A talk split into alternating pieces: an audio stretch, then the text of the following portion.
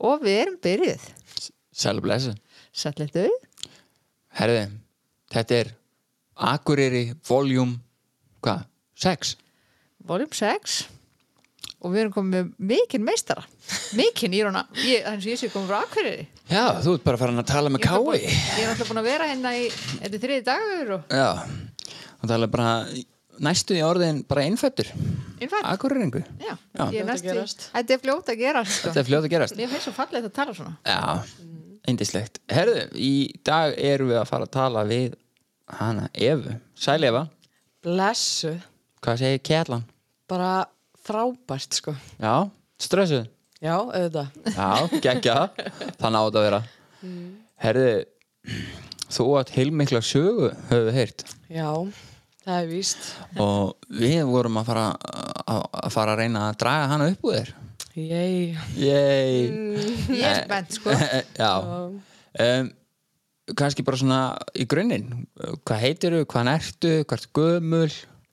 Um, ég er sérst fættu uppalinn í Reykjavík og heiti Eva Löfi Löfi Löfi Já. og hann flutti hérna til Akureyrar þegar ég var 13 ok, með móðu minni og sískinum alright og þannig að þú ert alveg upp fyrst í Reykjavík svo hér, Já, hvað getur þú sagt okkur um uppeldi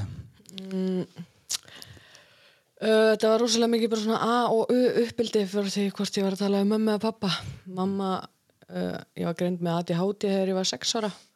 Og bla, mamma fór með mig á bugl og reyndi allar svona uppeldis aðferðir og þú veist, fara nér á auglevel og ná, veist, fyrst augsambandi áður en hún byrjaði að tala við mig og allt þetta og svo þegar það virkaði ekki þá var kalla hann pappa og þú veist, hann er rosa rattsterkur og hann það þurfti ekki mikið til að ég hlýtti sko. Eða bara snappa árið og, og bara áttaði mig á hvað ég var að gera sko. Já, þannig að þú ert svona uh, hress krakki. Mjög. Ok, geggja Við fýlum svona hrest fólk. Það er, það er uppáhalds. Eða ekki. Jú, hvað hérna, ok, þannig að hún er blíð og, og svona reyna þessar réttu nálganir. Hann er svona strángari típa. Já, ok, skil. En það er ekki oft sem að maður heyri einmitt það var alla svona innan gerst bara réttu leiðina reyndar Nei, veist að það var allt reynd með rítalín og konserta og ég veit ekki hvað og hvað ég bara var ekki reynilega bara óuppalandi. Bara óalandi óferjandi ok, já þannig að þú ert alveg sett á líf bara mjög snemma. Mhm, ok, og hvernig eh, hvernig var þú svo upplifun? Upplifur, veist, mannst eitthvað eftir því eða? Sko, mjög lítið sko en ég, ég man bara ég var á livjum í skóla sko þegar ég var á rítalinni þá voru ekki forðatöflu sko og þá tók ég bara þú veist, um morguninn og í hádeginu og var svo livjulegst þegar ég kom heim. Og út af því að eins og ég segi á uppveldi pabbi var á móti livjum ekki mamma þú veist þannig að við fórum millilegina og þannig að það held ég að uh, hjálpaði mér alveg að díla við svolítið eða þú veist maður þarf náttúrulega að læra að díla við þetta þú veist á þess að vera bara út í livjar alltaf skilur þannig að þannig að hvernig gekk það í skóla? Bara ágætlega sko. Að ég man rosa lítið eftir því sko en þannig að en það gekk rosa vel þannig til að mamma og pabbi skildu og hann að ég skipti um skóla. Ég hann að ég var alltaf að prakkarast eitthvað eftir skóla og eitthvað og þú veist var fyrst skuttla heima lauruglunni í þriðja bekk og eitthvað fyrir að rústa efstu hæðin á hótel sögu og þú veist það var eitthvað stil úr búðum og þú veist eitthvað. Hljóma smá svo prakkarastrygg svo next level. Alvöru. mjög kvatvís sko og þarna en svo skipti ég um skóla þannig að þegar mamma og pappi skildu og hvað ertu gömul þá? 11 ára. Okay. og hann fyrir kópa og lendi bara rosalega utankantar eða bara lendi fyrir einelti þar Já. fyrst fyrir stelpunum og þegar það virka ekki eða, þú veist, þá er ég að tala um stelpu einelti eða svona bara, þú veist, þær voru búin að vera að mála sig í hálft ár, þú veist, svo kem ég með málinga á mér og bara hvert er mér andlitinu og ég er bara sam og þú og svo labba ég burtu, þú veist, það virka ekkert og þær voru alltaf bara að geða feist og þegar það virka ekki þá bara tóku strákarnir við og fóru að taka mig í snjóin og læsa mig inn á baðarbyggi og eitthvað svona kæft það, sko. Já. Hvernig, hvernig er svo upplifun þú veist, hvernig, að því að maður heyrir svo oft veist, að, að lenda í einelti og, og lýsingarnir eru yfirleitt mjög svipar og þú varst að koma með. En hvernig létir það að líða? Sko, ég upplifði þetta eins og það hliti bara eitthvað að vera eitthvað að mér þú veist, ég einhvern veginn trúði ekki að, að fólk gæti verið bara slæmt til að vera slæmt einhvern veginn, þú veist, ég let ég bara svona, það hlaut að vera eitthvað ástæða fyrir þessu ég hlaut bara að vera eitthvað Þú hlaust að hafa gert eitthvað til segja þetta skilið. já, einhvern veginn þannig skilur þannig að ég sagði ekki neitt og gerði ekki neitt og þú veist bara einhvern veginn byrði þetta, byrði þetta inni. Var ég að segja þetta rétt? Birti? byrti, já, Nei, hvernig? Byrgja, maður byrgir eitthvað inni byrgir, já, hann. Á, nákvæmlega, Birgit inni. Já. Um, Hvað framlýða stundir? Þú veist, þetta verður það væntalega mjög erfitt Já, ég fór að leita bara í eldri bekkinga og, og fólk sem var að reykja utan skólalóðanar og svona og fór að byrja að fykta við reykingar og eitthvað svona. og fannstu það hóp sem að samþykti þig Já, þessi svo kallu misfits. Já, Ég passaði þar inn í, sko. já, ok Og hvernig var það að upplifa að vera samþyktur? Það var náttúrulega geggja, sko. Þú veist, mér fannst ég einhvern veginn loksins einhverju svona prakkarar eins og ég og þetta var allt rosa saklust þannig, sko. Þú veist, ég fór að bara fljótlega að forðast að fara í skólan og, og, og hann að enda oftar en ekki nýra á hlem og hann þessar svo kallu hlemrottur eða kringlurottur. Og hann að og já, En þú fegst þarna hóp til þess að tilheyra. Já, og þið voru að gera hluti saman. Já. Og það leiði þá væntalega af sér eitthvað, eitthvað annað. Já, ég hann að prófaði að reykja kannabisefni í fyrsta skipti 13 ára Já, þegar ég var búin að vera í þessum hópi kannski svona 2 ára eitthvað. Og hann var akkurat bak við hlem og hann að eins og ég segi, ég var rosalega ofvirt barn og, þú veist, aldrei friður í hausnum á mér einhvern veginn og leiði ekkit rosalega vel. Og þegar ég reykti kannabis í fyrsta skipti þá einhvern veginn kom bara svona friður og veljan bara algjörlega í hausnum á mér og ég fór bara í eitthvað látuskast og, og ég vissi bara að þetta var eitthvað sem ég vildi gera aftur sko, bara skipti ekki máli hvað ég þurfti að gera einhvern veginn þá langaði mig að gera þetta aftur sko. Og það var svona, þetta var mjög mikið lausn í mínu lífi sko. Já þetta, er, þetta, er, þetta er einmitt því svo, svo margir lýsir þessu, það er svo fyndi að svona himnarnir opnast. Já. og bara svona Já, eitthvað svona moment. Skil. Allt í einu bara eins og lestastöðin í hausnum bara stoppi. Já, bara fyrir allan penningin sko. Veist, vinkonum mig eitthvað hvítuna og ég gæti ekki annað að hleyja henni ég bara hló og hló og hló og það var bara ekkert sem feysaði mig sko. Bara, Já, það er nefnilega þetta er nefnilega fyrir alla krakkana sem hafa upplifið þetta svona í fyrsta skipti og upplifið þetta svona það er eiginlega bara svona fyrsta merki um að það eru líkur á því að þú verður háður þessu. Það er eiginlega svolítið Það er annir sko. þannig sko. Og hvað, fer þetta bara strax á stað eða? um, Nei, uh, mamma kynnist manni hérna fyrir norðan. Og ég var, já, ég var rekin úr skóla hana og sett í eitthvað svona vandræðaskóla og eitthvað og var rosa stutt þar. Og hann ég var bara svolítið trítuð eins og bara skítur undir skónum á þessu kennurum einhvern veginn, þú veist, þetta var ekkert þú veist, það var ekkert verið að komast að, koma á mótsveman eða þú veist, mæta manni okkur jafningja grundvelli eða reyna að hjálpa manni eitthvað, þú veist, þú varst bara óþekkur og þú átti bara að haga þér og þú veist, það var bara að tekið í þig ef þú hlýttir ekki. Og en þannig að ég var alveg svo sem fegin að að losna norður frá þessu sko og ég held einhvern veginn að er það öðruvísi í henda sko. En hvað, hvað ertu gömul? 13 ára þegar ég flytti Já, en hingað. hvað ertu gömul núna? Ég bara spá hvað er langt sér það er. Já, 28 ára. Þú er 28 núna. Það eru komin 5 Nei, ó. 15 ár. Back in the days þegar kennararnir voru bara crazy. Já, ángríns og þegar þú kemur inn á Akureyri hvað breytist? Ekki raskat sko. það er svoleiðis. Ég er náttúrulega tek bara hausin á mig með mér sko, og hann uh, og fer í venjulegan skóla einna og einhvern veginn fitta náttúrulega ekki inn aftur og fer bara að skrópa í skóla og, og leita upp í fólk sem að var eins og ég aftur og byrja einhvern veginn bara byrjunarreit og ég var mjög fljót að kynnast öllum þessum bara alkoholistum hérna á Akureyri og, og mjög fljót að koma mér í mjúkinni á þeim sem voru að, að selja eitthuleg og mjög fljót að skrópa í skóla og endaði í hlýðaskóla.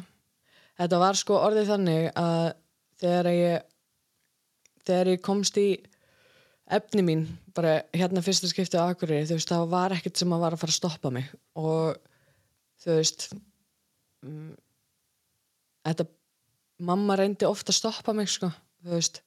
Og ég var alltaf að strjúka þú veist, og hún reyndi ofta að ganga fyrir mig en veist, það var ekki einu sinni hún sem að var að fara að stoppa mig sko, þú veist, ég bara færði hana ef hún stóð fyrir, þú veist og við lendum oft í slagsmálum og, og þú veist uh, litli bróða minn, þú veist, var bara eini herbyggi hákrátandi bara á meðan að ég var á eipinu frammi, þú veist, að reyna að komast út bara í efni mín, þú veist.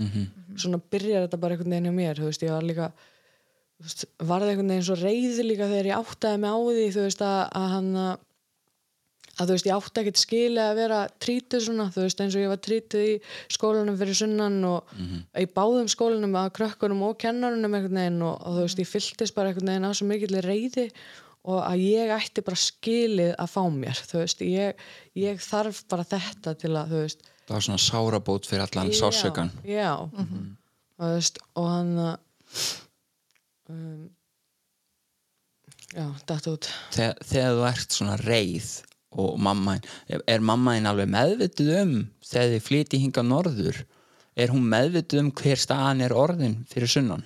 Nei, Nei. en hún kemst að því þegar þið komið norður? Uh, hún kemst að því þegar að sko, ég er senda stuðla ok, fljótlega eftir ég er búin að skrópa mig út í skóla hér og, og hann uh, ég var búin að segja pappi þetta sko já, að ég hafi hann uh, að ég hafi prófað að reykja og hann sagði þú veist að spurði mig bara einhvern veginn er eitthvað sem ég get sagt eða gert til að veist tala af þessu að gera þetta aftur? Og ég sagði bara nei. Og, og hann vissi alveg hvernig ég var þú veist, eða skapið mitt ég er með sama skap og hann sko. Og hann, hann bara einhvern veginn bara, sagði bara takk fyrir að segja mig satt. En svo heldum við fund á stöðlum svona foreldrafund eitthvað. Og þá ákvað ég að segja með þetta ok, hvernig brást þú við? hún var náttúrulega bara sjokkiruð og, og hann að- og spurði sko, pappa hvort að hann vissi af þessu hann sagði bara já og þá var hann náttúrulega alveg klikku sko. Já. já, það er, það er, þetta er erfitt þetta er erfitt situation já. um, hvað, þú ferðin á stöðla og, og hvað gerist í framhald af því, þú veist, þú færði einhverja hjálp þar? Um, nei, í raunin ekki sko. þú veist, ég varði einhvern veginn bara reyðari og þú veist fannst einhvern veginn svo ósangjanda þú veist, ég var að lendi þessu og eitthvað það var svona fórnalamp svolítið já, Já. Já, það er ég held að það sé algengt sko þegar maður er úlingur þá ámaða það til að hérna, að upplifa þessu svo svolítið svona mamma og pappi eru náttúrulega svona frekar leðileg og svona afskiptasum og, og leifa mann ekki að gera það sem maður vill gera og menn, þú veist, hvað vita þau um okkar raunir og, og svona alls konar system sem fara í gang sko. Svo er náttúrulega bara ótrúlega sorglegt hvað er lítið í raunina í bóði veist, til þess að hjálpa úlingum sko. já. Og þú veist, ég hef oftur að spura sko bara hvað hefði einhver geta sagt eða gert eitthvað til að til að hjálpa þér? Og ég bara, ég allra hreinskilni veit það ekki sko, Nei, ég bara, er bara spurningin um hvort maður sé móttækilegur fyrir Einmitt. því Já, ég held alltaf að byrjunarskrifi sé að það þurfa að tala við úlinga af virðingu. Já, koma fram við á jafningja, á jafningja grundvelli sko. já, allan daginn sko, þú veist, allan daginn. Og það vantaði einhvern veginn allan tíman, þú veist, sem að ég var í þessu sko, þú veist, að einhver bara tali við mig eins og eins og bara, já, jafningja. Já, eins og mannesku já, þú veist. Já, En þegar þú kemur út á stuðlum ertu þá hér á Akureyri? Ferðu, veist, eru stuðlar þeir eru væntalega fyrir sunnan. fyrir sunnan en þú ert býrð hér. Já, en þú ert send þangað. Þannig að það er ekkert úrræði hér á Akureyri. Nei, þannig að þú ert send suður já, og fjölskyldaðin er hér. Já. Allir nema pabbi. Já, ok. Alright og það hefur væntalega verið hvað, erfitt? Já, eða þú veist eða varstu bara kannski fegin að vera laus eða, eða þú veist hvernig? Nei, ég var bara fegin að koma heim sko, þú veist, Já. ég þú veist, ég kynntist bara nýju fólki að inni einhvern veginn eh, inn á stöðlum og, og þú veist læriði bara nýjar aðferðir og, og þú veist og, og bara pikka upp það sem ég vildi pikka upp og hendi heim í rusli sko. Þú veist. maður hefur nefnilega heyrt þetta. Þetta er, þetta er áhugavert að þú skulle koma inn á þetta að því maður hefur heyrt af sumum sem að fara mitt inn á stuðla. Og, og ætlunin er náttúrulega að, að börn fá hjálp. En börn eru oft bara að sósialæsa við önnur börn sem eru jafnvel komin lengra Já. og á verri staði og þau læra af þeim. Einmitt. þetta er bara nákvæmlega sama og gerist þegar maður fer of, of ungur eða þetta segja svo leis inn á vók sko. Já. þú veist, og fer maður og pikkar upp að því sko það sem maður vill það er ke- kennslan sem slík er alveg frábær skilur og eða, veist, hún getur verið það. Já, já, algjörlega. En, en peer to peer þú veist, þegar maður er að tala við jafningjana sína Mhm. þá er maður að tala um eitthvað allt annað. Akkurat. Það sem maður er ekki að tala um það sem við verið að segja okkur að glæru kynningunum maður er að, er að hugsa um það allt, allt, bara, allt sem maður getur lært af hinu fólkinu sko. já, já. Akkurat en hvað, þú hvernig þróast þetta? Hver, hvert er áframhaldið?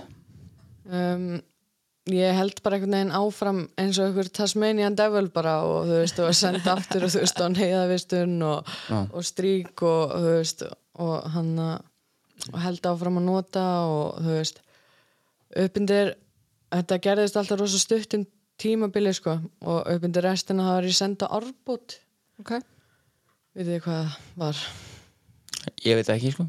Þetta er bara heimili fyrir vandra ólinga í rauninni. Já, og var hérna rétti húsæk þetta er svona eins og laugaland. Já. Ok, og hann að bæði fyrir stráka og stelpur og hann að mamma líka bara, þú veist hún gati ekki meira, sko, ég skil hann alveg, sko, þú veist, ég var uh, lengi vel þegar ég var þannig þá var ég mjög reið við hann að hafa sendt mig okkar, sko. Ok. Og hann að, og þú veist, ég sagði alltaf þú veist, þetta var það er ekki ástæða lausa, þetta var loka, sko. Veist, þetta er ekkert staður fyrir þetta er bara svona gemslu staður og þú veist, fyrir úlinga í rauninni. Og hann að þú veist, aftur var ég bara trýta þessu skíturinn undir skonum á, á fullarna fólkinu og, og þú veist, í hverju einasta helgarleifi þá kom ég heim og hann að- og fekk mér og þú veist, þetta var ekkert að skilja neitt eftir sig að hjálpa mér neitt sko. Og hann að ég var þar alveg í ár sko leið ógeðslega illa og hann var alltaf að ringja mömmu og pappa hágrátandi og beðið um að taka mig heim og, en þú veist, ég skil samt alveg mömmu að hafa ekki getað sko þú veist. Og já, þú veist upp undir restina samt, þú veist, þá einhvern veginn bara gafst ég upp. Á ég að reyna slást við þetta liðana skilur bara alla einhvern veginn í kringum mig þú veist, það er rosa þreytandi að vera alltaf upp á móti öllum einhvern veginn og þú veist, ég var alltaf að reyna að strjúka og þú veist, það gekk ekkert og þetta er náttúrulega bara eitthvað staður út í raskati sko. Og þú veist að fara yfir á til að komast að þjóðveginum og þú veist, þeir eru, eru lungu búin að fatta þú veist, ef á hverfur, þú veist, að það er jacka áður að klukkutíma fresti inn í herbyggi og mátti ekki fara einn í göngutúr og þú veist, ég sagði oft bara að þetta er bara svo að vera í fangelsi og núna eftir að ég hef verið í opnu fangelsi þá er þetta bara eða skárra að vera í opnu fangelsi sko. Algjörlega þetta er mikil frelsi skerðing og þú veist og, hvern- hvernig hefur þetta samt áhrif á? Ég meina, þú veist, þú greinilega ekki þú veist, í bata, þú, þú veist, þú ferð um helgar og þú bara ferðir skilur þú veist, þú veist ekkit er verið að vinna í að úrvinnslu að reyna að koma þér í einhver, eitthvað stand eða? Mm, Nei, það er, þú veist, við vorum í sveitaskólanum hann á, uh, ég man ekki hvað heitir núna, en hann og vorum bara með speskennara og eitthvað, veist, svo vorum við með munið eftir art, þannig að eitthvað, einhver management, eitthvað bla bla bla, veist, þetta er svolítið svona eins og hamin en bara, Já, veist, vinna að þróa þeirra, einhvern veginn. Ok, og þú veist, ég fór á eitthvað svoleiðis og veist, við vorum bara að hlæja og gera grína að fólki sem var við vorum bara, svo- litum bara svo hálfvitar sko. ok, þannig að þú veist, það er svona eina sem var reynd sko í rauninni. Ok. Og hvert líkur leiðin svo um, eftir þetta ár? Já, eins og ég segi, þú veist, eftir átta mánuðan þú veist, þá gafst ég eiginlega bara svona upp á að vera alltaf bara upp á móti öllum og, og hann hætti að fá mér í helgaleifum og eitthvað og hann svo var lengt dvölu mín hann um mánuð og, og ég veginn bara já, gafst upp og á ég að vera að fá mér í helgaleifum og, og bara kom heim einhvern veginn og held bara einhvern veginn, þú veist, það var ekkert útskýrt fyrir mér hvað alkoholismi væri eða hvort ég væri mögulega fíkill eða neitt þannig, þú veist, þannig að ég var ennþá bara alveg af klúles og þegar ég fór að inn, sko, þú veist og þegar ég kem heim, þú veist, þá var einhvern veginn samferð um bara að kannabisefni var uh, vandamáli, sko, þú veist. Og bara eins og típiskur alkoholisti, þú veist, að, að hann en en ég er hvað 15 ára eitthvað þegar ég kem heim og ég byrja bara í sambandi með manni sem var 5 árum eldri en ég. Ok, og bara mjög fljótlega. Og við fyrir að þetta örfandi efni og, og áfengi um helgar og ég kynnist bara mjög skuggalegu liði og, og Hér á Akureyri þá. Já. Ok. þessum töppum svo að segja úr Reykjavík og Akureyri og hann og einhvern veginn bara missi mig í því sko. Hvernig er það öðruvísi en það sem þú þekktir áður? það er það ekki sko. Það er þetta bara var bara önnur efni sko. Já. já, þú veist og ég held að ég væri bara meiri hraði kannski. Já, og ég held bara einhvern veginn að ég væri með þetta núna og það ég væri búin að losa mig við Þú veist, ég held að þetta myndi ekki enda eins. Og hann að ég flutti út bara mjög fljótlega eftir að ég byrjaði með honum og flutti til hans og, og þú veist, sagði bara við mömmu þú veist að hún getur bara að nota meðlagspenningarnir til að láta mig fá bónuskort og bara, ég held að ég væri bara orðin fullorðinn og bara sjálfstæð og og 15 ára krakki. Já, ég er bara með þetta og þú veist, láttu mig bara í frið lefum bara að lifa lífinu mínu þú veist, já, ég er bara að koma með mann og bara, þú veist. Basic. Já, einmitt Ég held að sé samt rosalega mikið af stelpum á þessum aldri sem upplifa sér rosa fullorðnar. Já. Ég held að það sé bara mjög algengt sko. Hvort, hvort sem það er nýslu eða ekki sko. Já, segðu. Maður heldur að maður sé með þetta sko. Já, það já. viti betur en allir aðri sko. Að sjálfsögðu. Partur ólingavíkinni mm. algjörlega. Og hvað það væntalega veist, þegar maður kynnist örfandi efnum eða þegar þú kynnist örfandi efnum breytist lífið mikið?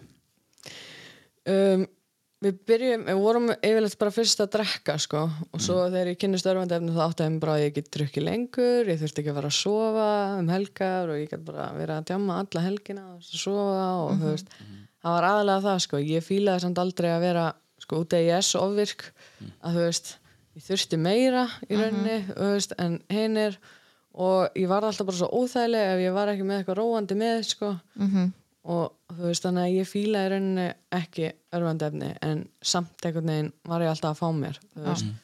Og þú veist ég já, þurfti þetta einhvern veginn. Hljómar svo alkoholismi Hvað tekur þetta lang, hvað er þetta langt tímabil? svona cirka eitt og allt ár. Nei, tvö. Og hann að eftir tvö ár, þú veist, þá var hann búinn að vera sagt, í uh, forræðasteilu með barsmáðu sinni og hann var ekkert búinn að vera að fá að hitta stelpunum sinni og eitthvað, hann var að taka það svolítið út, þú veist, þegar hann var að nota sko. þú veist, eða vanlíðina hvernig segir maður? Vanlíðanina, já, já. út af því og hann að svo hann að hveti hann til að fara með þetta þú veist, í síslumann og lögfrængi þetta og eitthvað og þú veist, og ég vildi ekki sjá hann líða svona illa og hann, og hann fær að fara að fá stelpunum sinni tilbaka og, og við tökum bara saman ákvörðum, við ætlum bara að fara að flytja út frá bróður hans og þú veist, við ætlum bara að fá okkur íbúð og taka okkur saman í andlitinu og þú veist, ég var bara, fekk mig vinnu í MS og þú veist, bara sem er mjög vel borgað og þú veist bara já, var hann stjúpmamma og núleitni og þú veist með fallegt heimili og góða vinnu og mamma bara ekki stolt af mér og allir bara ógstlega ánæður í kringum mig og eitthvað en en hausin á mér var ennþá hausin minn. Og, og eftir einhver tíma þú veist, þá fór ég að átta mig á þú veist að um, það vantaði eitthvað þú veist, eins fáranlega það ljómar einhvern veginn að þú veist, mér leiði ennþá illa þú veist, mér leiði ennþá bara ömulega og ég skildi ekki af hverju. Og í heilt ár þú veist, og ég er alveg þessi manneska sem að þú veist ég verði að skilja af hverju hlutinir er að gerast eða þú veist, hvað, þú veist ég bara, ég get, get gert ekki sjálf með geðveika, þú veist, alveg eins og þegar ég var edru þá var ég bara, ok, hvað er alkoholismi og var, þú veist, drakk ég með allar upplýsingar sem ég gat og bara hvað gerist ef ég gerir þetta og dalalala, þú veist og, og ég er bara, já, með hann hóðurka hausminn og á þessu tímabili, þú veist, þá var ég bara þú veist, grenjandi annarkvæð dag þú veist, á gólfinu heima með mér í eldursunni þú veist, bara með haldandum hausin á mér og skildi bara ekki hvað var að. En saði einhvern frá því einhvern veginn. Og þú veist, eftir ár að þá datt ég í það og hann sagði alltaf við mig sko, þú veist, þetta ég á búin að samfara alla aðra í kringum minn alltaf um þessa delusion að- kannabisefni var í vandamáli mitt sko. hann sagði alltaf við mig fyrst þegar við byrjuðum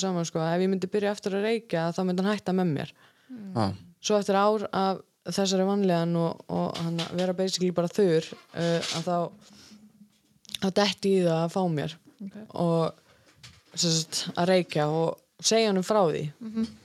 Og þá allt í hennu veist, og ég bjóst við að hann myndi fara þú veist. Og, og allan enn tíma einhvern veginn það fannst mér eins og að væri bara eitthvað stípla að fara að bresta innra með mér. Bara af einhverju geðveiki. Ég get ekki útskýrta betur þú veist það var bara eitthvað að byggjast upp og byggjast upp og byggjast upp og ég fann bara einhvern veginn það var bara að koma einhver sprenging. Og þannig að ég held að ef að ég þú veist einhvern veginn myndi segja honum þetta myndi hann bara fara þú veist og leifa mér bara að springa í friði þú veist á þess að það sé hann en casualties í kringum mig. Mm. og hann en hann einhvern veginn vildi vera þannig að ég einhvern veginn bara vissi ekkert hvað ég átti að gera og, eitthvað, og talaði við vinkonum mína og hún bendi mér á að ég ætti mögulega að fara á afund og ég hefði bara já ok ok eitthvað hérna og hann og 17 ára gömul þá þá labbaði hennu fyrsta aðfundi minn. Og þá lóksir skildi ég hvað var að. Þú veist ég bara tengdi við allt sem að allir voru að segja hana ok. Ok, hvernig og, og síðan þá hefur við retru og heppilega við eftir I wish. Það er svo einfalt. Og vá hvað það verið geggjað sko. Já. Nei, vá maður. Uh, Hvað gerist þegar þú færð þessar upplýsingar? Þú Veist, þetta er það sem er að þér. Þú tengir við allt þetta fólk. Og hvað gerður við það? ég er náttúrulega, sko himnarnir einhvern veginn bara opnast fyrir mér í annars skipta æfuminni Mm. Vá, þú veist bara, þetta fólk er bara að tala úr hausnum á mér og bara segja það sem mér líður og bara þetta er geggjað og, og ég fylltist alveg að svona eldmóði sko. Mm. og reyndi að hann að reyndi að tilæka mér þetta prógram sem að er í búið að sko. Og en ég var 17 ára gömul og, og er þverhaus og einhvern veginn greip hugmyndi mig að, að þessi hugmynda ég ætti eftir að reyna þetta og ég fekk einhverja mini alka komplex eitthvað og fannst ég ekki vera jafn slæm og allir hinnir og veist, ég er nú bara 17 ára og veist, það getur alveg ennþá ræst úr mér og veist, hvað ef ég get nú stjórnað þessu? Já, ég veit hvað ef ég geti nú stjórnað þessu, ég líti að geta stjórnað þessu. En vandamáli var bara, þú veist um, fyrsta spori í rauninni þú veist, að þú veist, ég viss alveg að ég væri vannmáttu hvert eitthulegum og, og, og áfengi en ég var ekki tilbúin og ég kenni ég get ekki stjórnað mínu einn lífi sko. Og hann, ég var búin að vera stjórnast í hinga til og, og ég sá bara einhvern veginn ekki hvert það hefði leitt mig sko. Og hann um, já ég hrindi öllum frá mér sem að ég elskaði og, og hrindi bara í það. Ok, upp í það restina sko. Mhm. þessi stípla bara brast sko. Já. Það þurfti ekki eina, nema eina skitna hugmynd það þarf nefnilega ekki meira sko. Og hvað gerist þá? Shit, sko. Þannig að ég fó bara bara beint á botnin, sko. Það er svo leis Já, Hvað kallar botn? ég bara veginn, það bara fóru allar bremsur, það bara, þú veist, Tók við stjórnleysi. Algjört. Og bara, þú veist, aldrei verið á vökunni eitthvað lengur en, þú veist, tvo, þrjá daga eða eitthvað og, þú veist, aldrei nota neitt annað heldur en, þú veist, anfætti mín áfengi og gras og allt í einu þá bara var ég farin að nota allt sem að kjæfti kom og bara, þú veist, tók bara tveggja vekna vöku og bara, þú veist, enda upp á spítala á selfossi og bara, þú veist, bara eitthvað rugl, sko, þú veist, höfukúpubraut og reyfbjörnsbraut sambíliskonuna mína og það hún reynda, þú veist, hún vakti með hana eftir ég sopnaði eitthvað og þú veist já, eins og ég segi bara algjört stjórnleysi sko. Og hann að það var bara ekkert aftur snúi eftir það sko.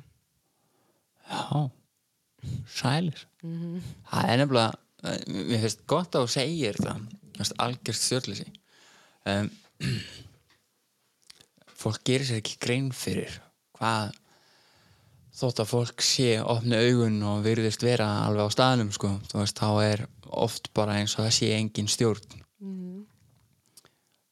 Hvað ljós kveikt og enginn heima sko. Já. Einmitt. En mér finnst þetta að fyndi sko, veist, það er eins og meðvitund þegar maður tekur meðvitaðar ákvarðanir mér finnst það ekki lýsandi fyrir bara fólk sem er stjórnlust, það er ekki með neina meðvitund til þess að taka.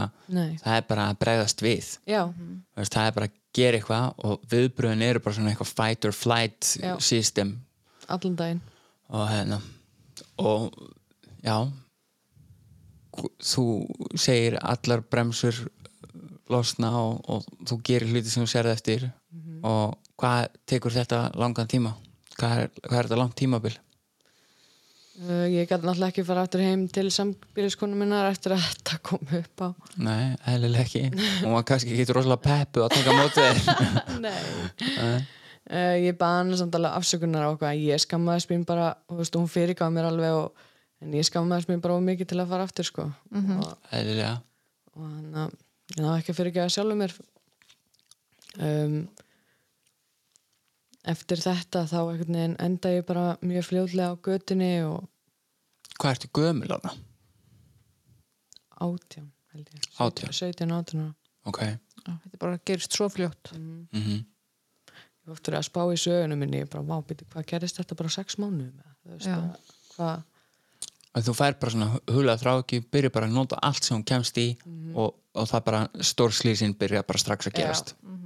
Það verður bara eitthvað sprenging bara, þú veist. Eins og þú sagðir bara rétt á hann þú fannst building up já, að þessu svo bara svo brestur það einhver staðar. Magna og hvað, já, þú ferð ekki aftur þangað, ferð á göttuna og hvað tekur við? Líf á göttunni já. Ég hann að ég bara veginn ég varð bara einhver þræll sko þú veist, þræll næsta skamt þú veist, ég bara eitti öllum peningunum mínum, eh, peningunum mínum sem ég fekk þú veist, í eitulif og, og þú veist og einhvern veginn bara bánsaði af sófa til sófa og ef ég náði því ekki, þú veist, þá svaf ég í stígagöngum og var mjög fegin ef ég fann þvottarhús sem var með föti í þurrkarunum og það gæti búið til dínu og, og þú veist bara reynda að finna annan fólk sem að var á götunni líka og reyndum að halda einhvern veginn hópinn og, og hann að og það fer á reik, í Reykjavík? Já, já, ég var samt svolítið bara frá Reykjavík, Akureyri, Reykjavík, Akureyri sko, veist, hann að húkaði mig bara far og skil nú ekki akkur einhver hleypti mér upp í bíli sem sko, en ok. En hann að finnst þér erfitt að tala um það? Þetta er bara svo fjarlægt einhvern veginn, þetta er svo ekki ég, þú veist, þetta er eins og ég sé að tala um minningar einhvers annars. Okay. þetta er bara, fjarlægt. Já, þetta er bara svona, svona draumur eða eitthvað. Það er samt gott fyrir hlustendur að gera sér grein fyrir því að, að, þú veist, að því fólk sér okkur ekki. Já, að þú veist, maður sér oft í líkamstjáningu fólks þú veist, þá sér maður svona ákveðna hluti og þegar þú ert að tjá þig hérna núna, þú veist, þá sér maður skilur að þú veist, þú tengir ekki við þetta, nei, einhver veginn sko. veist, maður sér það einhvern veginn á þig, sko, gott að taka það fram. En hvernig er fyrir bara hlustendur sem að kannski skilja ekki, hvernig er líf á veist, hvernig þú veist, hvað fólk sér örgulega bara fyrir sér bara eitthvað Brooklyn skilur bara eitthvað fólk á, á einhver pappaspjöldum og eitthvað svona. Held að fólk fattu ofta ekki þú veist, á Íslandi er göturlífið kannski aðeins öðruvísi. Mm, já, já, já, auðvitað. Veist, fóstu einhvern tímann á konukot eða þú veist uh, fyndi að segja frá því, mamma benti mér einhvern tímann á það sko. já, það var einhvern veginn fyrir neða mínu fyrtingu en ég held að þetta sé samt líka rosa algengt. Já, ég var líka á göttinu á ákveðnum tímapunkti eða þú veist, göttinu á milli hótela og milli gistiheimila og milli sófa skilur að ég átti ekki heimili. Og þegar ég, þú veist, mér var bent og ég get farið gisti svona já, emmett já, right. Ég það akkurat. ég, te- te- ég er ekki einn af þeim sko. Annað fyrir neða mína virðing en, en við skulum bara taka það fram þú veist, það er bara hugleg afstæða þú veist, það er engin betri að verri sem að nýti sér svona úrræði sko. það er bara, Alls ekki. það er bara svo það sé tekið fram. Bara alls ekki sko, ég veit óska þess að ég hefði farað ánga sko. akkurat en hvernig er lífið á götunni? getur þú líst því fyrir okkur í einhverjum svona bara smá? Bara til þess að hlustendur gerir sér grein fyrir því? En það er svolítið svona eins og bara svona out of body experience sko. Um, þú vilt ekkert þú veist, einhvern veginn áttaði á því á sérstana sko eða en þú veist, og maður er bara einhvern veginn á autopilot bara. Og þú veist svo dettur maður inn, þú veist og mér er svo minnist það eitt augnablík þar sem að ég er með, þú veist, bara svona íþróttatösku þú veist, með aðleginu minni í og sem voru bara fött, þú veist og ég er að labba hana milli hlem og, og hana og hana sjoppunar hana uh, fyrir fram að Philadelphia og mér er litið upp að, að þetta var kvöldi til og það var mjög kalt og mér var litið upp í stofugluggan hjá okkur fólki og þar var einhver fjölskylda bara að veist, setja matinn á borðið fyrir kvöldmatinn einhvern veginn og ég stóð bara og horfði á þau og ég bara hvað gerðist? Bara hvernig hvernig endaði ég hér? Þú veist, ég var þarna þú veist, bara fyrir ekki svo lengur síðan. Ég bara, þú veist, ég, ég bara ég bara fattaði þetta ekki, sko. Þú veist maður er ekkert, þú veist, og, og ég held að það sé bara svona hausin á manni einhvern veginn að verja mann fyrir raunveruleikanum, þú veist, að, að maður vil ekki viðurkennandi og þegar maður viðurkennir þetta einhvern veginn og, og feysar það sem er í raunverulega í gangi og hefur örugglega bara fengið tauga áfall, sko, þú veist. Og já, Ég held að þetta þetta er mjög góð lýsing hjá þér. Já. mjög, að því ég held að, að, að einmitt afnýtunin fyrir raunveruleikunum í þessum aðstæðum er eitt af svona survival me mekanismunum sem er í gangi. Að því að þegar veist, þegar þú þarft að viðurkenna að staðin sem þú ert á þú veist, fyrir egoið og bara fyrir sjálfströsti og sjálfs bara veist, að langa til þess að lifa. Skilur að það er eiginlega einhvern veginn betra að afnýttu sig og þykjast vera einhvers þar annar staðar. Að því að ef þú þarft að einhvern veginn viðurkenna þar sem þú ert og það er einhvern veginn þú veist, þá ertum við svona bara alveg tæpur á því að, að vilja feysa það að þetta sé lífið þitt. Einmitt. Ég held þessi líka ágætist lýsing út frá því að, veist, að því sumir sem hafa ekki skilning á þessum sjúkdóminn til dæmis vilja meina að þetta sé val sko. já, einmitt. Að þetta sé ágætist lýsing út frá því líka að það er enginn sem velur sér þetta sko. nei, veist, alls ekki. bara, hvernig lendi ég hér? Veist, hvernig gerist þetta? Bara á korteri sko. Veist, þetta er alveg eins og bara að segja við, þú veist þú segir ekkert um mannesku sem er með geðklofa og er í geðrófi, þú veist, bara herðu, veist, hættu þessu. hættu einmitt, Veld að vera eðlilegur. Já, bara nei, nei svona er, ekki heimurinn, nei, þetta er ránkumind, þú veist, manneskinu ekki þetta vera bara, ó já, ok, sorry eitthvað, segja það fyrir já, akkurat, það er ekki fyrir en, en hvað hérna í framhald af þessu veist, þetta er, hvað, hvað er þetta langt tímabil sem að þú ert að, á, á, á flakki uh, tvö ár. Þetta eru tvö ár?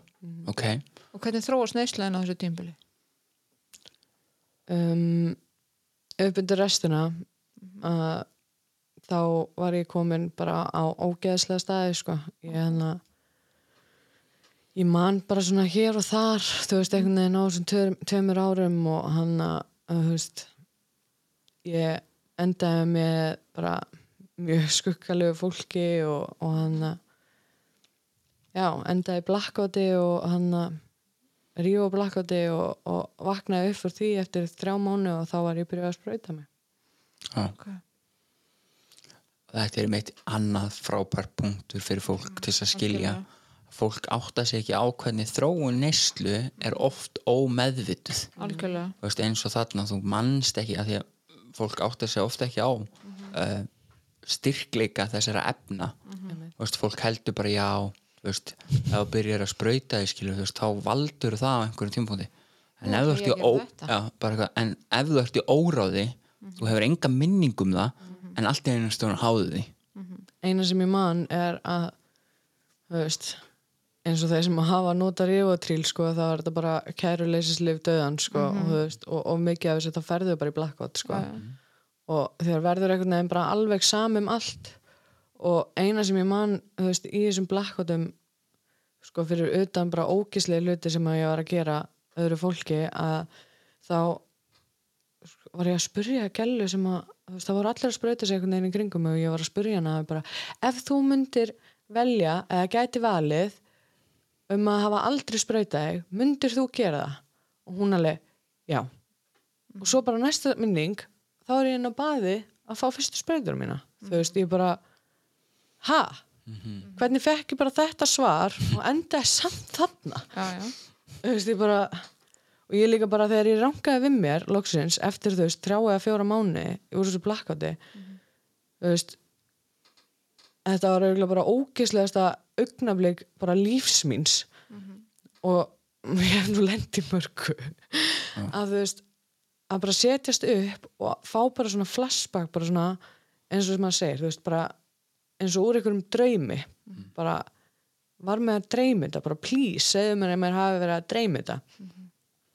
Og þú veist ég bara með liti í kringum mig ég bara einhverju ógeðslegu greni bara þú veist ógeðsleg dínan sem ég lá á þú veist bara æla og pissublaut og þú veist og bara þú veist viðbjöður í kringum mig og, og þú veist og ég bara ranka við mér og, og sest upp og lít á handlegin á mér og sé bara ég er götið eins og svissneskur ostur og ég bara hvað er að gerast og kem bara í áfalli fram?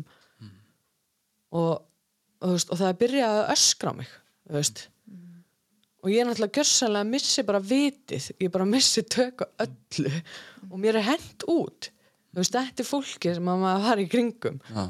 bara hei, hættu með þessi læti skilur, bara ég var í áfalli takk fyrir að hjálpa mér þú veist. Gríns. Bara, veist, og mér langaði líka bara að deyja sko, Já. en máli er að þú veist, þegar mér var hent út þú veist, ég reyndi að skera mig á púls. Ég bara var á mátt fara til þess að geta það. Þú veist, ég bara ég meika ekki tilvísunum að þetta væri bara gerast. Ég bara nei, þú veist bara hinga og ekki lengra sko. Sem betur fyrir tókst það ekki. Nei, sem betur fyrir já. Mikið blessun í dag hvað hérna hvernig heldur áfram út frá þessu? Ég er náttúrulega eins og ég segi, þú veist, eins og ég var að lýsa þú veist, þessi svakalega hræðsla við, þú veist, raunveruleikan í rauninni. Að hann að þú veist, hún náttúrulega bara heldtók mig, sko. Og hann að ég einhvern veginn reyna að hætta sko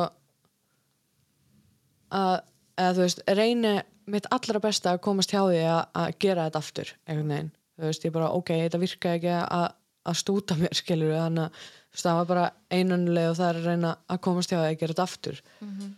Og hann að uh, ég dett í það tvisvar, eða dett í þetta aftur tvisvar eftir þetta en ekki með þú veist efninu sem að ég var orðin háð. Og hann að það var náttúrulega bara ókislegt sko og upp undir restina þú veist þá var ég búin að uh, panta á hlaðgerukot Okay. og og var búin að ringja þú veist grænjandi í vog og, og hann og S.A.A. og spyrja hvað ég ætti að gera og fá aðstöð frá pappa þú veist og ég var bara skítrætt sko, ég bara ég verð að gera einhvað en daginn sem að allt í góðu já, daginn sem að ég átti að fara upp á lækjarakot eða, fyrir ekki, ok, spólum aðeins tilbaka.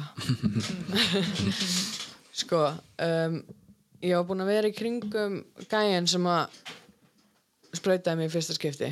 Ok, þannig að uh, rétt árinni fyrir på lækjargótt Já. uh, hann var búin að banna mér að gera þetta út af því að ég ákvað að reyna að hætti þessu. Ok, en hann var samt sjálfur að gera að þetta. Ok, ég náttúrulega sem fíkillin sem ég er varð alveg geðveik á því Já, já. að horfa á einhvern annan gera eitthvað sem að heldtók þig og er ennþá með heljar grip á þér er bara einhvern veginn sérstakt helviti sko. Já. og eins og ég segi, þetta var mjög skuggalegt fólk og, og bara ekki fólk sem að maður á að fokki já, akkurat. Um, og geðveiki mín tók mig frá þanga að ég pikkaði fætt við hann og hann náttúrulega bara svaraði fyrir sig og ég hætti ekki fyrir en ég var komin í gólfi og með hendurnar utan um hálsin á mér hendur á honum utan um hálsin á mér og um, eins og ég segi veist já, ég var næstu í dáin að það. Ég, hann að ég var að byrja að detta út á súrefniskorti og ef að strákarnir hefði ekki verið að haldandi í sikkur öxlina á honum að reyna að hrista hann að mér þá hefði ég ekki náða að poti í augun á honum bara til að rétt svo komast undan. Ok. og þetta var þremur dögum árun ég fór hann að gera kvöld um, eins og segi egoða mitt leiði mér ekki að viðurkenna að ég hafi einhvern veginn tapað. Ég hugsaði bara ég ætla að hefna mín þú veist, einn daginn og hann að þetta var ekki búið að Nei. þinni hálfu þetta er ekki búið og þótt ég hefði ekki átt sjens Já, ekki fræðilegan sjens sko, að þá var þetta samt ekki búið sko. en um, þú varst ekki að fara að sætta þig við þetta sko Nei, Nei. einmitt Já, já. og hann að um, þremur dögum eftir þetta þá hann að þá átti ég pantaði bara hægri klukkan klukkan tíu mm -hmm. Uh, væntalega já shit sko. Maður sér það sko nú ætla ég bara að segja maður sér hvernig þú ert að travel a time. Maður ma horfir, ma ma horfir á hana og hún er sko hún er inn í momentunum að upplifa þau sko. Uh, en þú mætir upp á hlækjargóti ja? sko já en hann að sama dag og ég átti pantaðan upp yfir að þá vakna ég um tvöliti heima á pappa já, um, ég stend upp í rúminu og það er svona reysa spegið á vegnum og ég stend fyrir fram á speilin með bara augljós handaför á hálsinum á mér. Bara eins skýr og hægt er að hafa það þú veist. Og, og ég bara svona einhvern veginn fæ bara svona flashback bara eftir allt saman sem var búið að ganga á og eitthvað að þá fekk ég aftur einhvern veginn þess að bara, þetta er ekki hægt. Þú veist, ég get ekki meir. Og þú veist, ég einhvern veginn bara ég hugsaði með mér, þú veist, bara svipin á pappa, þú veist, þegar ég kom heim svipin á honum þegar hann sá handaförin svipin á honum, þú veist, þegar ég sá honum hvað hefði verið búið að gerast að ég hefði verið að byrja að dæla mig og, og bara, ég, ég bara hugsaði með mér, þú veist, ég bara, ef þetta er lífið sem að ég er bara, mér er ætlað að lifa að þá vill ég ekki lifa í. Þú veist, ég ætla ekki að gera þeim það lengur að vera einna og ég get ekki hægt og ég sá bara enga leið út úr þessu. Þú veist, mér fannst ég einhvern veginn vera búin að reyna bara allt. Og þú veist, og sama hversu sterk hræðslan og löngunin var að hætta þessu og vera frá öllu þessu fólki og frá þessu lífi að þá tókst það einhvern veginn aldrei. Og þú veist. Og ég bara lappaði út með einhverja rörsín og í íbúðina sem að sem að hann rest á mig í. Og aldrei að vant að voru all, allir svoandi og ég einhvern veginn fór að róta hana um og, og fann einhverja nál og hann fann klór og flugnabanna og stóð yfir honum í smásnið út af heimunni, þetta var nú ekki búið. Nei. og ég hugsaði um það bara ég ætla bara að vera alveg heðaleg ég hugsaði um að drepa hann sko. Mhm. en vanleginu mín var það mikil að ég mér langaði að freka bara að deyja og ég bara lappaði hann á bað og, og, og tæmdi tvær sprautur í handleikin á mér á klóri og flugnabanna það er eina sem ég fann. Um, mér verkaði bara að geða þetta í handleikin og eftir þrjá tíma eða tvo tíma að þá einhvern veginn fór ég að líta á klukkuna og átti að maður pappi fara að vakna og þú veist og, og þetta væri nú ekki að virka og þú veist kannski átti ég bara ekki að deyja og þú veist bara að ok, þú veist, ég ætla þá bara þú veist, kannski er þetta bara merki frá Guði og þetta ég hef alltaf verið trúið sko og hann, kannski er þetta bara merki frá Guði og ég eigi bara að reyna að hlækjara gott og eitthvað. Og ég lappa tilbaka og þykist vera nývöknu þegar pappi vaknar og hann og, og bara hann utta mér augun eitthvað í þykistunni og hann og, og ætla bara já, já, ég er til í hlækjara gott og eitthvað og hann og svo finn ég eitthvað hálft gramma grasi hann heima og ég spyr pappa, ég bara má ég reykja þetta, þú veist, ég tíma ekki hendi þessu og hann bara, já, ekkert mál. Og hann, eða ekkert mál. Hann sagði, já, í þetta skipti. Og hann, eh, ég rúla mér eitthvað spikfeta jónu og fyrir þetta svalir og reykjana og svo fyrir hann á bað og, og íbúðin hans er svona með eitt herbyggi miðvinni og öll herbyggin leiða út frá því. Og hann, eh, við fyrir hann á bað og ég er að þrýfa að mér málninguna sem daginn áður og allt í hennu bara náfölna ég og ég finn bara svona yfirlega tilfinningu. Og ég bara nei, nei, nei, nei, nei, shit, shit, shit, shit, shit. Og pappi er akkurat að lappa fram í baðarbygginu þegar ég bara, búm, bara dett út lend í fangin á honum, ég næ ekki sko, nýjan á mér lenda bara á jörðinni. Og hann heldur utan um, utan um mig og meðan ég er að segja við hann bara út af þetta er að seinasta sem ég vildi að ég myndi deyja í fangin á pappa mínum þú veist, ég bara nei, þú veist. Og ég var að segja við hann bara bara setti mig í sturtuna eitthvað og einu sem kom út um mig var bara bara, þú veist, ég gæti ekki. Og svo bara svart. Svo bara eins og mér hafa verið að dreyma svona 150 drauma á nanosekundu. Og næsta sem ég man að það var eins og pappi og ég sagði ykkur að hann að hann, var mjög, hann er mjög rattsterkur það er svona að vera að öskra úr veist, þar næsta herbyggi. Með alla lokaðar hurðar í milli einhvern veginn og ég veginn næ að ranka við mér af einhverju fáranlegum ástæðum. Uh, og sé svipin á pappa mínum og ef ég geti teiknað það vel þá geti ég teiknað fyrir okkur svipin á honum. Þegar hann held að hann held að þú veist, heldi á dóttir sinni dáni þú veist. Og ég er náttúrulega bara að reyfa um hálsinn á honum með þessum litla krafti sem ég hafði og bara fyrirgefðu mér var orðið alveg saman mig en ekki ykkur. Bara ekki ykkur. Þú veist, sjúkrabílinn kemur og ég spyr að læknirinn ég bara, af hverju þú veist, var ég, dá ég? Eða þú veist, hvað hva gerðist? Þú veist. Og, hann, og ég fór að lýsa þessu fyrir honum og hann bara ef að þetta er það sem hann gerist í haustum á þér. Hann leysir út sagt, efni sem að hann notar til að dreyma þegar þú deyrið og leysir bara ógeðslega mikið magnaði.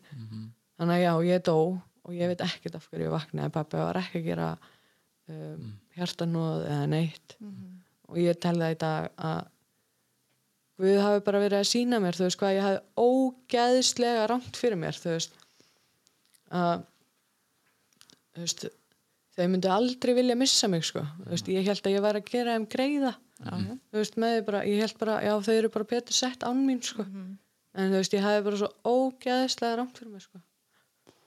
Þetta er magnað.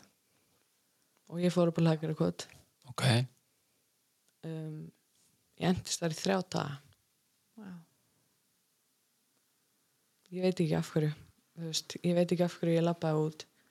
En eftir þrjá daga af þessu helviti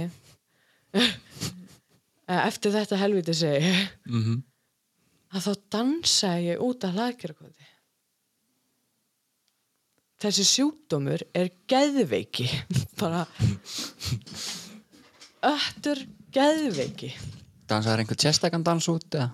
Ég var að hlusta set fyrir set Down the Road sem er geðveikt peppandi lag. Já, og ég var ekki bara með drasli mitt bara og dansaði bara mm, mm, ég er að fara að fá mér. Það er svoleiðis. Ja.